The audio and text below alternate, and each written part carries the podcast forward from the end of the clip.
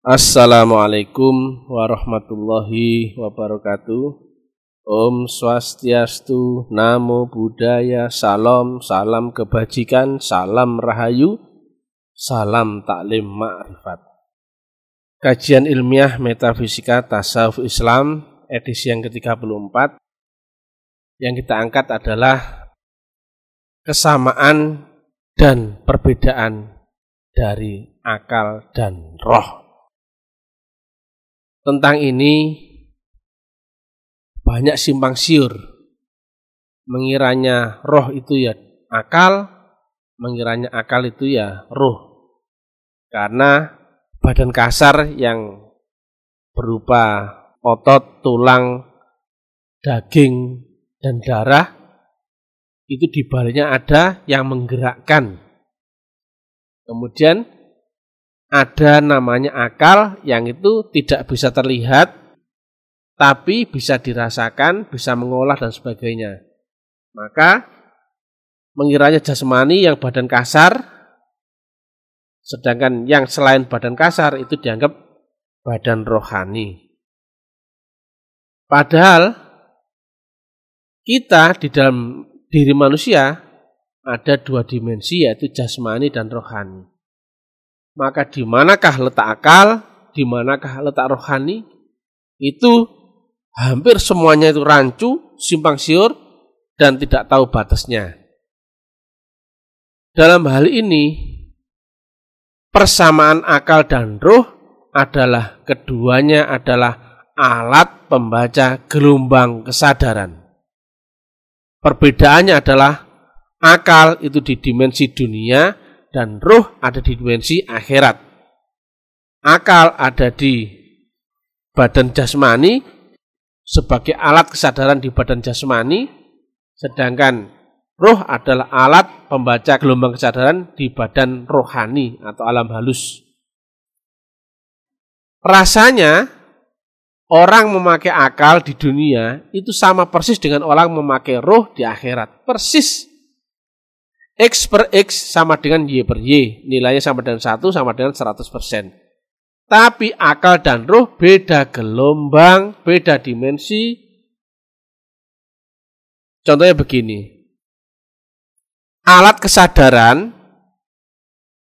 di mana pun maka ketika akalnya nyata, akalnya fungsi dan panca inderamu jalan, maka disebut alam nyata atau alam konkret.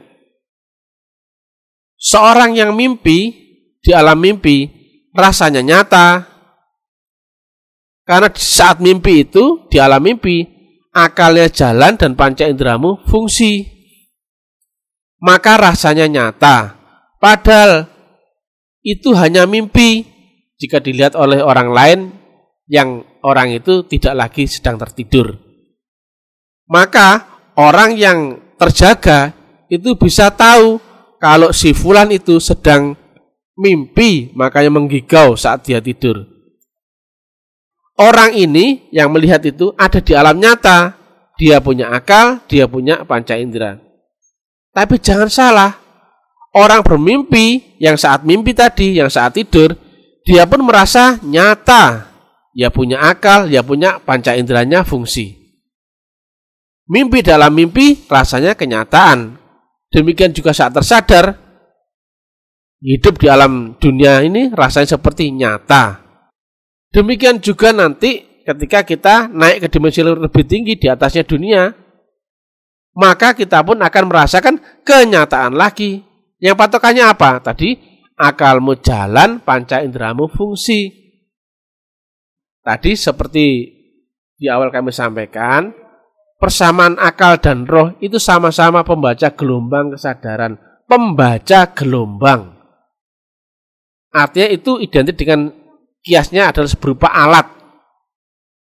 Nah, misalkan begini, akal itu pembaca gelombang di dimensi 3G atau dunia ruang dan waktu.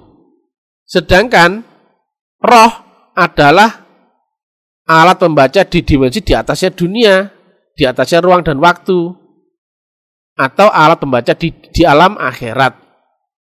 Maka rasanya akal dibanding dunia akan sama persis dengan roh dibanding akhirat.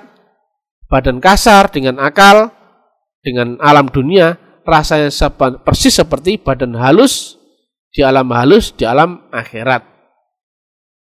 Nah, untuk masuk ke dimensi roh, itu nggak sembarangan. Orang itu mesti tersadar dari kehidupan dunianya. Artinya mesti terputus, terhenti dulu sama seperti seorang yang tidur untuk masuk ke alam nyata, dia mesti bangun dari tidurnya dulu. Baru bisa sadar masuk ke alam dunia, baru dia menyadari bahwa mimpinya tadi hanyalah fata morgana. Demikian juga untuk masuk ke dimensi roh, manusia itu mesti ada dua pilihan, mati dulu atau dimatikan dan dihidupkan lagi karena lewat jembatan khusus. Akal itu hanya sebatas dunia. Gak percaya, ini logikanya. Selama akalnya jalan, dunianya terkembang. Mewujud sebagai panca indera. Itu virtual, hologram, yang menjadi nyata karena karma kita sendiri. Itu kausalitas semua. Tapi menjadi nyata karena terbaca oleh panca indera dan terbaca oleh gelombang kesadaran akalmu sehingga menjadi alam kenyataan. Tetapi itu menjadi mimpi atau alam fata morgana ketika kau mati, maka kau rasanya bangun dari tidur. Seperti itu.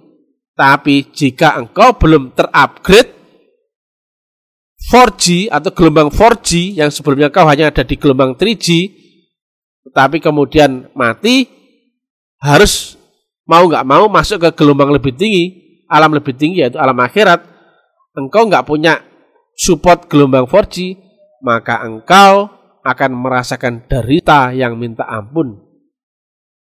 Makanya kalau bisa ditempuh atau mencari upgrade gelombang saat di dunia, kenapa nggak dicari? Itulah yang dimaksud di Asura 52, yaitu orang itu di-upgrade gelombang. Ditanamkan nur iman dan nur kitab, yang itu prakteknya ada di alam roh. Sebagaimana diterangkan di dalam kitab, pada malam itu dia Muhammad dibelah dadanya, dicuci kolbunya, dan ditanamkan nur dikullah. Dibersihkan dulu kolbunya, kemudian ditanamkan nur.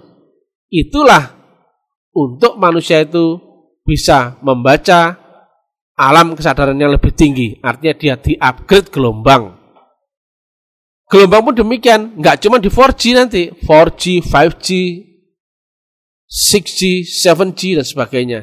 Sampai nanti unlimited. Artinya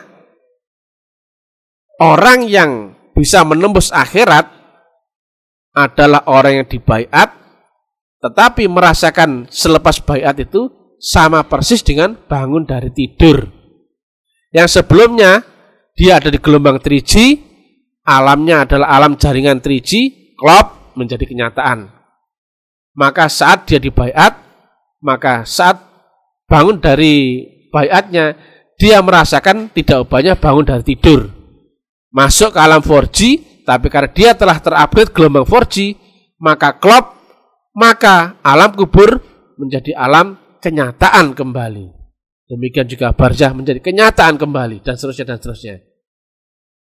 Nah, tadi kami sampaikan batas dunia adalah batas akalnya. Karena saat hilang akal sadarmu, maka hilang seluruh duniamu. Engkau yang laki-laki pun nggak ada. Engkau yang punya anak istri nggak ada. Pekerjaan atau apa pun itu sudah nggak ada semua. Hilang semua dunianya seiring dengan hilang akal sadarnya. Maka batasnya dunia adalah sebatas akal sadarmu saja. Itu saja. Sedangkan alat untuk naik ke kesadaran di atas dunia, engkau mem mesti memakai roh yang itu sama persis rasanya dengan akal. Kamu nggak tahu bedanya, oh sama namanya alat membaca gelombang kesadaran, tapi beda dimensi. Kalau akal Pusat kontrolnya di badan kasarmu ada di otak. Tapi roh pusat kontrolnya ada di badan halusmu. Yang itu ada di baliknya kolbu. Di mana itu? Belum bisa kami sampaikan di sini karena itu tentang rahasia dari tarikatullah. Jadi yang jelas tadi ya, persamaannya yaitu sama seperti piringan hitam dan kaset itu sama-sama pembaca gelombang musik misalkan. Maka piringan hitam bisa mentransfer, translate yang awalnya berupa piringan hitam, kemudian dibaca oleh box piringan hitam, maka muncullah lagu. Demikian juga kaset bisa membaca yang ada di baliknya pita kaset tertransfer, tertranslate menjadi lagu. Demikian juga dengan CD CD player bisa mengurai, mentransfer, mentranslate sesuatu yang ada di baliknya CD. Demikian pula DVD, demikian pula flash disk. Artinya apa? Jika masing-masing alat itu klop dengan pembaca gelombangnya dan e, jaringannya dan alamnya, maka semua rasanya seperti lagu yang sama. Jika keluarnya dari stasioner, sound speaker yang sama, maka seolah-olah rasa yang sama. Padahal box piringan hitam dengan kaset, eh dengan tape ya maaf ya, dengan tape, dengan CD, dengan DVD player, dengan flash disk, dengan apa? Itu masing-masing beda dimensi, walaupun kedengarannya ragunya itu seolah-olah sama. Itulah. Jadi yang bijaksana menyimpulkan antara bedanya akal dan roh. Itu beda dimensi, tapi rasanya sama. Samanya itu ketika engkau klop dengan alammu dan engkau sudah punya alat membaca gelombang sadarmu. Maka piringan hitam tidak mungkin bisa dibaca di tape kaset pun tidak mungkin bisa dibaca di CD player dan sebagainya. Dunia hanya bisa dibaca dengan akal. Dan akal tidak bisa membaca dimensi akhirat. Alatnya harus beda. Karena dimensi beda, gelombang kesadarannya pun berbeda. Mudah-mudahan manfaat. Salam ta'lim marifat. Salam kebangkitan tasawuf ilmiah. Jangan lupa ikuti uraian kami di macam-macam medsos. Bagi yang niat serius ingin belajar, silakan hubungi admin. Bantu share uraian-uraian kami ke mana-mana agar banyak yang tercerahkan. Ilahi anta waridhaka manubi. Wassalamualaikum warahmatullahi wabarakatuh.